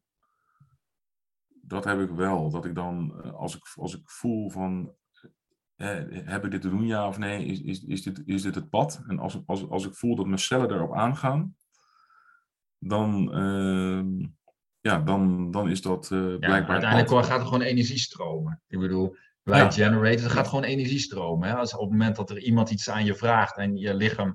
Ik bedoel, ik heb het ook geleerd om steeds meer nee te zeggen wanneer ik gewoon nee voel. Ja, vroeger verborg ik dat dan nog een beetje, vooral als het sociaal niet wenselijk was. Alleen nu denk ik gewoon van ja, sorry, ik voel het gewoon niet. Ja, kun je wel lang omheen lullen. Hè? Maar, en als ik iets ja voel, nou, dan gaat mijn lichaam gelijk aan. Ja, ja dat precies. zijn natuurlijk, precies. ja, de- het lichaam, ja, wat ze zeggen dat, hè, het lichaam liegt niet. Maar op dat soort momenten inderdaad niet. Dat is gewoon duidelijk. Nee, precies. Precies. En, het is, en dat is natuurlijk het innerlijk werk, om, om eigenlijk eh, het lichaam zo, eh, zo schoon mogelijk te krijgen. Ja, zuiver. Clean- ja, Ja. precies. Clean vessel. Ja, En dat is ook, eh, je ziet natuurlijk ook daar eh, dat het steeds meer mainstream wordt. Hè? Dus, dus bijvoorbeeld Bram Bakker heeft zo'n boek geschreven, Oud Zeer, wat heel erg gaat over eh, jeugd, jeugdtrauma's, zeg maar, die Ja. vast gaan zitten in je lichaam. Die, de, Bessel van der Kolk heeft natuurlijk eh, onlangs Ja. eh, een boek over geschreven. The body eh, keeps, the, Keeps the keeps the score. En eh, dus het is wel mooi om te zien dat, dat, het steeds, dat we daar steeds meer bewustzijn op krijgen. Van eh, oké, dus, dus ja we moeten dus ook Ja. helen. Dat, dat is eigenlijk wel mooi dat je dit noemt. Er is dus wel een heel helingsproces wat nodig is. Willen we überhaupt een, zuiver, een zuivere verbinding hebben met ons lijf? Want ja, ja, exact. dit is vol met distortions eigenlijk. Exact. Precies. En dat, daar, dat, dat- precies. En dat, dat, is, dat is dus inderdaad het helingsproces om, om, om die distortions eh, eruit te krijgen, zodat je lijn zo zuiver mogelijk wordt. Ja. En dat is dan, in sommige culturen zo, zouden mensen zeggen dat dat de lijn met God is. Hè? Ik bedoel, Ja. eh, of, of, eh, of, zo, eh, of anderen met de natuur, of met De ziel. of het is ma- prana, of het is de ziel. Ja. Ja. En dat is wel. ja. ja. En ik denk ook dat de- deze tijd ook met zich brengt dat we dus. kijk, als, als je bijvoorbeeld. De boek, ik heb de laatste tijd geleden het boek gelezen van Werner Heisenberg. En dat is een- zo'n. eh, eh, zo'n collega vroeger van Einstein, hè, in de jaren Oké. 30 en 40 van de vorige eeuw. En die heeft de, de kwantummechanica, de, de Ja. onbepaaldheidstheorie. Nou, in ieder geval op een superhoog niveau bezig met de, met de kwantumfysica. En hij beschrijft ook best wel wat over spirituele ervaringen die hij, die hij heeft meegemaakt. En die hem ook verder hebben geholpen in zijn onderzoek. En er zijn meer mensen die eh, op dat niveau daarover schrijven. Eh, en waarbij dus eigenlijk een grotere kracht hen helpt om eh, dichter bij de waarheid, of wat de waarheid ook is, maar in ieder geval bij hun waarheid te komen. Ja. Alleen wat ik nu zie in deze tijd is dat eigenlijk dus veel meer mensen daarbij gaan kunnen komen. En dat het voor mij nu is, en dat was natuurlijk, hij beschrijft heel erg vanuit zijn individuele pad en vanuit zijn individuele onderzoek.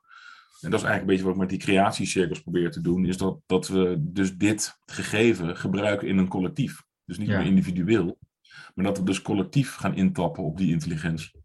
En collectief met elkaar gaan voelen, oké, wat hebben we te doen? Nou, het is natuurlijk wel heel interessant. Of interessant, het kan heel, heel mooi zijn als je bijvoorbeeld inderdaad ondernemingen hebt. Of, of zelfs maatschappelijke, laten we zeggen, een dilemma of een probleem. En je zou zo'n probleem in zo'n groep leggen. Met mensen die inderdaad open zijn om het op een andere manier te bekijken.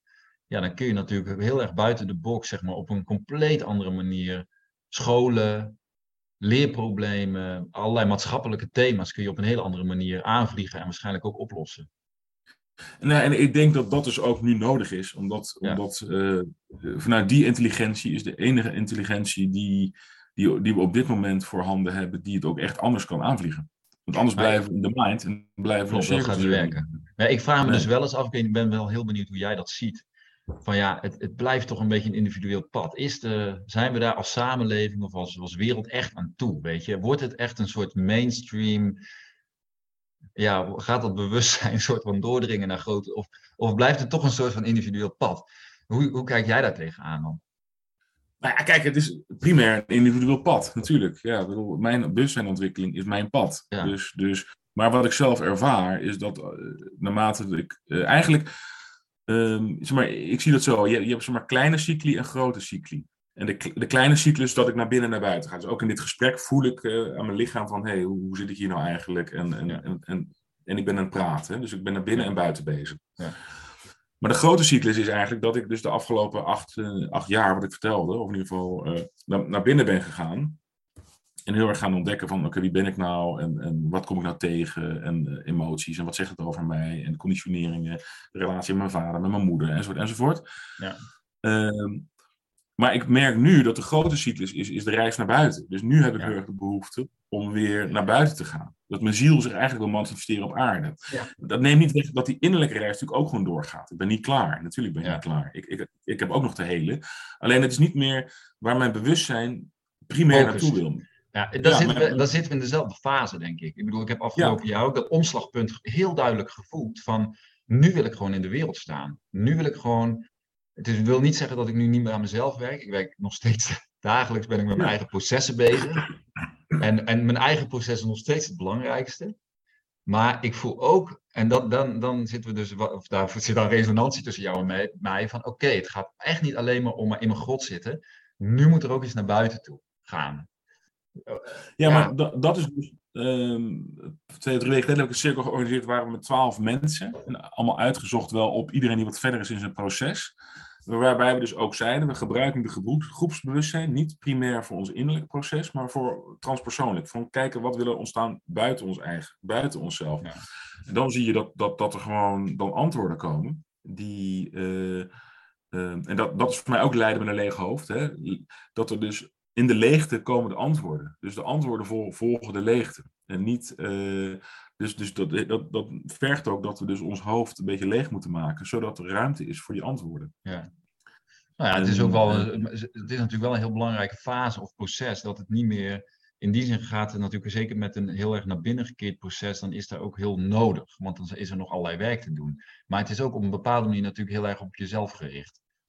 Ja. Dus, dus, dus er is natuurlijk wel, zeker collectief en maatschappelijk gezien, als het goed is, denk ik dat, men, dat in ons proces, dat laten we het voor de mannen hebben, dat ga je als man ook op een gegeven moment naar buiten toe van oké, nu heb ik, ja, wat ga ik nu doen met mijn succes? Ik noem maar iets. Je hebt iets bereikt, oké, die kun je nou afstrepen. Is er nog een soort groter geheel wat je kan dienen? Ja. En niet zozeer omdat, omdat dat een verplichting is, of omdat, je, of omdat wij soort van iets moeten, goed moeten doen of zo, maar meer omdat dat gewoon een natuurlijke beweging is. Ja, ja, maar ik kan het niet invullen voor een ander natuurlijk, maar ik, ik zie ook wel dat ik denk, ik denk, wauw, er zijn zoveel, laten we zeggen, succesvolle mannen in deze wereld. Van oké, wat ligt er dan voorbij het succes? Of ja, heb dan iets bereikt, oké, nu kan dat zich vertalen naar iets ja, wat je kan betekenen. Dat wil niet zeggen dat je een hele filantroop moet worden, maar dat de aandacht of de focus dan verschuift. Snap je wat ik bedoel? Ja, dat snap ik. Maar ja, dat, dat hangt natuurlijk al wel af van de bewustzijnsontwikkeling van die persoon. Want als die persoon nog meer succes wil, ja, dan is dat het. Ja, Of als die persoon uh, toch een beetje blijft hangen in het materiële, ja, dan is dat het. Ja. En ik ken genoeg succesvolle mensen die, die, laat zeggen, in het materiële succesvol zijn en daar ook in blijven hangen. Ja, uh, ja dan, dan eh, in dit kader heb je daar dus, ja, flauw gezegd, niks aan. Nee, precies. Ja. ja jij zegt het dan inderdaad heel duidelijk. En zo is het eigenlijk ook. En soms denk ik wel van, kom op mensen, hop, nu weten we dat dus, wel. Dus, kijk, en daarom uh, denk ik ook, uh, dat is een beetje wat ik, wat ik ontdek, is dat ik daar me dus ook niet op... Kijk, ik, ik focus me vooral op mensen die gewoon wat verder zijn op een proces, in een proces, die dus dit in, hier en mee kunnen, zodat we met elkaar kunnen ontdekken, oké, wat, wat, wat je zegt, bijvoorbeeld stel we dat we het nog niet gedaan, maar ik zou me kunnen voorstellen dat, dat ik een keer een cirkel organiseer op het gebied van onderwijs, en dan komen we gewoon met elkaar mensen die allemaal daar mee op resoneren.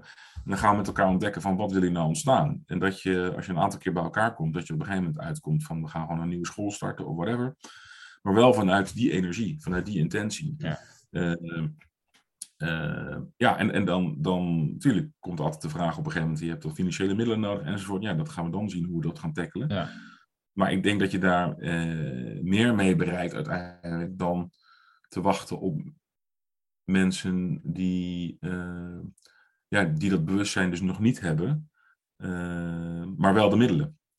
Nou, precies, want dat, is, dat wil ik net zeggen tegen jou. Daarom is het natuurlijk belangrijk dat ook de succesvolle ondernemers en allerlei andere mensen die maatschappelijk gewoon al wel iets bereikt hebben, want die, die zijn instrumentaal, zeg maar, om bepaalde dingen voor elkaar te krijgen, die zij niet zelf hoeven op te zetten, maar waar ze of middelen hebben of een netwerk. Weet je, ja, dan kun je natuurlijk heel veel met elkaar kun je dan heel veel bereiken wat, wat ten goede keert van uiteindelijk een nieuwe generatie. Hè, wat ik bedoel.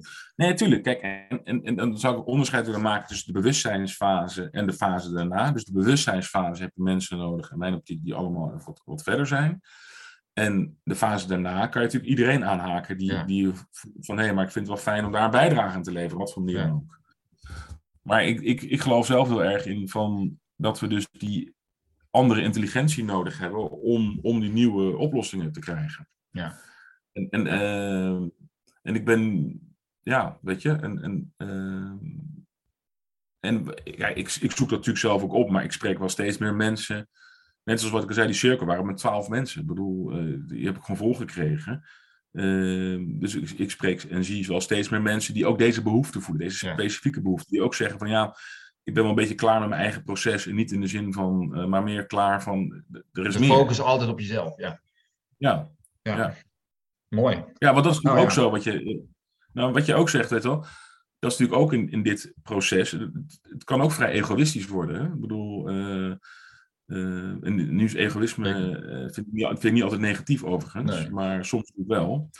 Ehm, ja, als, als, als, het- als het allemaal heel erg gefocust op jezelf is. En ik denk ook dat het wel nodig is, dat, dat, dat, dat er fases in zitten waarin dat gewoon nodig is om ehm, ja, dat, dat, dat, dat lichaam, eh, zeg maar. eh, Nou, ik zie egoïsme zelf meer als iets van, oké, dan, dan plaats ik mezelf in het centrum en dan ben ik niet meer onderdeel van een groter geheel. Dus, dus, dus eh, het wil niet zeggen dat je gezond egoïsme is gewoon dat je jezelf niet veronachtzaamt en dat je gewoon goed voor jezelf zorgt. Dat lijkt me heel Ja. verstandig voor heel veel mensen in het Westen die zichzelf voorbij lopen. Hè, maar, maar egoïsme is meer van, ja, er is alleen mezelf en mijn behoeften. ja. Dat is eigenlijk ook een kinderlijk. Eigenlijk zit er natuurlijk ook weer een kindsdeel onder. Wat dan Ja. geheeld mag worden. ja, ja, mooi, mooi. Zeg je mooi, ja. ja. Dus nou ja. Ja, nou, ik denk dat we maar eens een cirkel moeten organiseren samen als we ooit. eh, Ja, op Bali. Lijkt me leuk. Op. Bali. Ja, nou, ja. Dat lijkt me mooi. Eh, maar dat komt wel. Ehm, ja, ja, interessant. eh, mo- mooie ontwikkeling, eh, Casper. Even kijken. Is er nog iets wat gezegd wil worden? Zeg ik altijd. ja, mooi. Toegevoegd aan wat we eerder hebben besproken, waarvan je zegt, nou, dat wil ik nog wel even noemen. Nou, weet je, wat ik wel wil benoemen, dat zeg ik wel vaker, maar ik, ja, ik wil het toch benadrukken, is eigenlijk het zinnetje, wij zijn de mensen waarop we hebben gewacht. Dus dat, is, eh, weet wel, dat is ook voor de luisteraars, van we hebben het gewoon zelf te doen. En Ja. iedereen die die roeping voelt en de roeping hoort, we hebben het gewoon met elkaar te doen.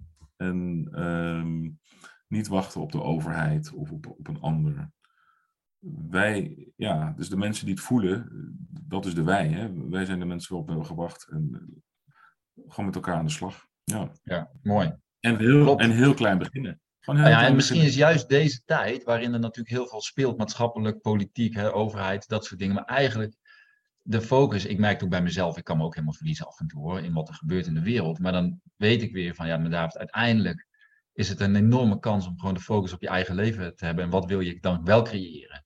Ja, als nu niet, ja, waar wacht je dan op, weet je? Niemand, gaat het, niemand anders gaat het voor je doen. Dus het vraagt om een enorme eh, ver- verschuiving eigenlijk naar gewoon eigen verantwoordelijkheid. Ja, en dan komt natuurlijk toch de vraag om de hoek kijken van, ja, wat wil je dan echt? En, en wil je daar dan voor gaan? En dan, ja precies, en dan, dan, dan eh, dat is natuurlijk de volgende, eh, klopt, van, dat je echt gaat stralen, dat je echt in je licht gaat staan. En dat betekent niet dat iedereen op een podium hoeft te staan, eh, dat bedoel ik niet, maar wel dat iedereen inderdaad van... Ik zeg ook wel eens, dat, dat ook in, die- in zo'n creatiecirkel, we zijn allemaal gewoon puzzelstukjes. En, we, zijn, en we, we verhouden ons allemaal tot dat wat wil ontstaan op een bepaalde manier. En dat hebben we te ontdekken. En samen zijn we een puzzel. En als iedereen zijn rol daarin pakt, en iedereen zijn, eh, zijn puzzelstukje op de goede manier vormt, zeg maar, ja, dan kunnen die puzzels gewoon in elkaar schuiven. En dan, en dan Ja. gaat het ook het wel moeiteloos, of in ieder geval, dan, dan klopt het. En dan, Ja. eh, doordat je het met elkaar doet, krijg je natuurlijk ook heel veel energie. Ja. En dan, dan heeft, uh, het geeft meer energie dan dat het kost. Dus per, per saldo uh, zit je aan de goede kant van de balans. voor, voor, vanuit jezelf bekeken, één. Maar twee, we voegen ook nog eens heel veel waarde toe aan de maatschappij. Ja, precies. Ja. Nou ja, dat was bij mij ook al een bewustzijn wat op een gegeven moment groeide. Hè. Eerst een beweging van weg uit de maatschappij. Een soort van afzonderen. Nou, was ook heel goed voor me. Op een gegeven moment was ik daar klaar mee. Toen dacht ik, ja, maar ik wil gewoon in de maatschappij staan. Zij het vanuit Bali op dit moment, dat maakt niet uit, maar wel als onderdeel gewoon van mijn plek. Ik denk dat dat wel belangrijk is voor heel veel mensen. Om gewoon je plek op deze planeet, als het ware, gewoon in te nemen. En zeggen, ik ben hier een inwoner van deze planeet. Ik hoef me nergens van terug te trekken. Dat was bij mij op een gegeven moment wel een. Ik, ik leef gewoon op mijn manier. Volgens mijn eigen waarden die ik belangrijk vind. Maar ik ben hier wel een onderdeel van het grote geheel. Het is niet van dat ik niet meedoe. Terwijl ik jarenlang geleefd heb met het idee van ik wil helemaal. Ik hoef dat helemaal niet, die maatschappij. Nee, maar dat je je afzet, snap ik ook. Dat, dat, dat is ook een, denk ik, een logisch gevolg op het feit dat je dan zelf, eigenlijk net zoals met puberen, dat je je afzet tegen je ouders. Ja. Omdat je 16 jaar lang hebt geleefd conform de, de, de regels van, van je ouders. Ja. Ja, als je, als je 30, 40 jaar leeft conform de regels van de maatschappij, heb je ook even nodig om af te kicken. Om even boos te zijn, om even verdrietig te zijn, I don't know. Maar daarna, wat je zegt, daarna ga je beseffen, wacht eens even, maar ook dat is onderdeel van het grote geheel, weet je wel. En ook daar eh, hoef ik geen oordeel over te hebben, anders dan, ehm, dan uh, wel inderdaad, je zegt gewoon mee te doen. Dat voel ik ook, gewoon meedoen. En vanuit je eigen kracht, dat is natuurlijk het grote verschil. Dat je voorheen was meedoen van, ja, was een grijze muis, meedoen met de horde, meegaan met de meute, geen soort van ja, wezenloos uh, wezen. En nu is het meedoen in de zin van, nou, ik doe mee met mijn eigen geluid, met mijn perspectief, mijn zienswijze. En als iedereen dat, als al een soort van ontwaakte mensen dat doen, ja, dan krijg je, dan krijg je natuurlijk heel veel, veel kleurigheid. Nee, exact. Dus en ja, dan, dan denk ik dat de maatschappij nog best iets moois kan zijn. Hè? Nee, absoluut. Nee, maar ik denk ook dat als, als kijk, uiteindelijk als, als uh, jij zegt het ook mooi, kijk, inderdaad meegaan, voorheen was meegaan dat ik gewoon met het systeem meeging. Ja. Maar dan was ik zelf niet geaard. En nu voel ik van, oké, ik ben nu geaard, dus meedoen betekent nu voor mij dat ik inderdaad vanuit, van, precies zoals jij zegt, vanuit mijn eigen energie uh, meedoe. En, uh, maar als ik dan mensen ontmoet, zoals jij en anderen, die dat ook vanuit hun eigen energie doen, creëren wij al een soort energetisch veld, wat, wat energetisch anders is dan uh, het, ja. zeg maar, het systeem. En als wij die, die, dat web zeg maar, gewoon sterk genoeg maken, dan krijgt, krijgen mensen ook de kans om van dat oude systeem over te stappen, over te stappen naar dat nieuwe web. Ja. Dus daarom zeg ik ook, we, hebben ook uh, gewoon een web te spannen waarin mensen zeg maar kunnen blijven plakken. Zodat zij uh, uh, zelf ook zeg maar... kijk, heel veel mensen willen natuurlijk graag anders. Alleen de vraag is natuurlijk hoe. En, ja, en, klopt. ja, dat nou, ik denk wel dat, het, dat, daarom is het zo belangrijk dat mensen die op wat voor manier dan ook in hun bewustzijnsreis zijn, Misschien ben ik daarom ook ooit met deze podcast begonnen. En jij, jij doet trouwens ook een podcast, Leiden met een leeg hoofd. Ik zal jou ook even pluggen. dat, dat, dat, dat we het ook heel belangrijk is dat we dat allemaal blijven doen, zolang we het voelen. Maar dat daarin, uh, uh, iedereen heeft weer zijn eigen, zijn fractaal, zeg maar, en zijn eigen resonantie met mensen die ergens op jou resoneren, en anderen op mij, en weer iemand op een ander. Maar al die geluiden samen zijn natuurlijk wel ergens belangrijk. Dus dat vind ik dan wel, denk ja, weet je, het is ook allemaal niet voor niks, zonder dat ik denk dat hè, dat ik een of andere daar een soort hoger doel mee moet hebben. Maar gewoon puur, ik doe gewoon mijn ding. Dat is het eigenlijk. Hè? En jij doet gewoon jouw ding. En als iedereen gewoon zijn ding doet, dan is dat gewoon eigenlijk al goed. Ja, maar je moet wel participeren, dat voel ik wel. Van, ja, dat, bij mij was dat bewustzijn op een gegeven moment wel dat ik dacht van ja, maar ik ben hier wel om echt mee te doen in gewoon het leven. Ik ben hier niet om aan de zijlijn van het leven een soort van een toeschouwer te zijn wachten tot mijn leven voorbij is. Ik wil hier leven. Dat was wel ja, uh, een diep besef ja, bij mij. Mooi, ja. Ja, ja en dat, besef ja. krijg ik ook steeds meer. Ja, ja, ja. Maar goed, dat is ook niet altijd makkelijk. Hè? Ik bedoel, het is echt niet zo van nou, uh, nou uh, iedere dag is een feest. Het is gewoon ook in de, in de, met de voet in de klei en af en toe ploeteren. Maar goed, dat is, dat is dus ook participeren. Dat je daar niet van onttrekt, denk ik. Ja, het is gewoon het leven. Nee, precies. En, en ook dat doorvoelen en, en, en meemaken. En, uh, klopt. Maar dat, dat, is, dat is voor mij ook leven. Maar toevallig kwam ik gisteren iemand bos tegen en die, die is wat ouder. Dat is een jaar of twintig ouder dan ik. Dus ik denk uh, halverwege 60, misschien eind 60. En die is ook heel, op een heel erg spiritueel pad. Maar die zegt ook van ja, ik voel gewoon dat ik heel erg gewoon uh, ja, in, in, mijn grot leef. En dat is voor mij goed. Nou, ja, dat is ook helemaal goed. Kan. Ja. En ik, trouwens, ik had, ik had een maatje van mij die, die dat ook uh, heeft. Alleen, uh, ik zei wel tegen hem, volgens mij is het een fase, want ik heb ook die leegte ervaren. Volgens mij komt er moment waarop je eruit gaat klimmen. Ja. En laatst sprak ik hem, met zei hij ook van, ja, ik voel dat ik weer uh, zin heb om mee te doen. Dus ik, ja, ik, denk, ik denk ook dat dat nu is wat, wat we met elkaar gewoon te doen hebben. Met elkaar meedoen vanuit die nieuwe energie. Ja, ja, ja. mooi. Nou ja, en inderdaad, kijk, het mooie vind ik dan als je een beetje je design kent, en jij bent ook een hermit, is dat je weet dat mijn bijdrage in de wereld komt voort uit mijn hermit zijn. Dus eigenlijk, leef hier, ja, ik ben helemaal niet heel veel erbuiten en allemaal druk, druk, druk. Ik ben gewoon veel een hermit. Maar dat werkt voor mij om mijn rol te spelen. Het is ook een soort unieke rol die we allemaal, als we daar bewust van worden, van oké, we hebben allemaal een eigen rol en die is voor iedereen anders. En maar ja, dan zak je in die rol en dan voelt dat ook gewoon goed. Ja, ja, dan weet je van, oh ja, dit is gewoon, zo is het gewoon goed. Ja. Ja, ja. Nou, dat is wel mooi. mooi nou, um, ja. Zullen we er een eind aan breien? Yes, yes. Nou, hey, dankjewel, uh, jongen. Jouw boek, waar, waar kunnen mensen jouw boek bestellen? Op jouw website. Wat is jouw website? Ja, mijn website is casperjones.nl. Oké.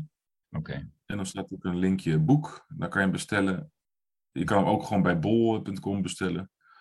Als je via mijn website bestelt, dan uh, vind ik het ook leuk om een kort verhaaltje erbij te zetten. Dus dan krijg je ook een uh, gesigneerd exemplaar die op termijn natuurlijk uh, ja, heel veel waard wordt. Ja, zeker.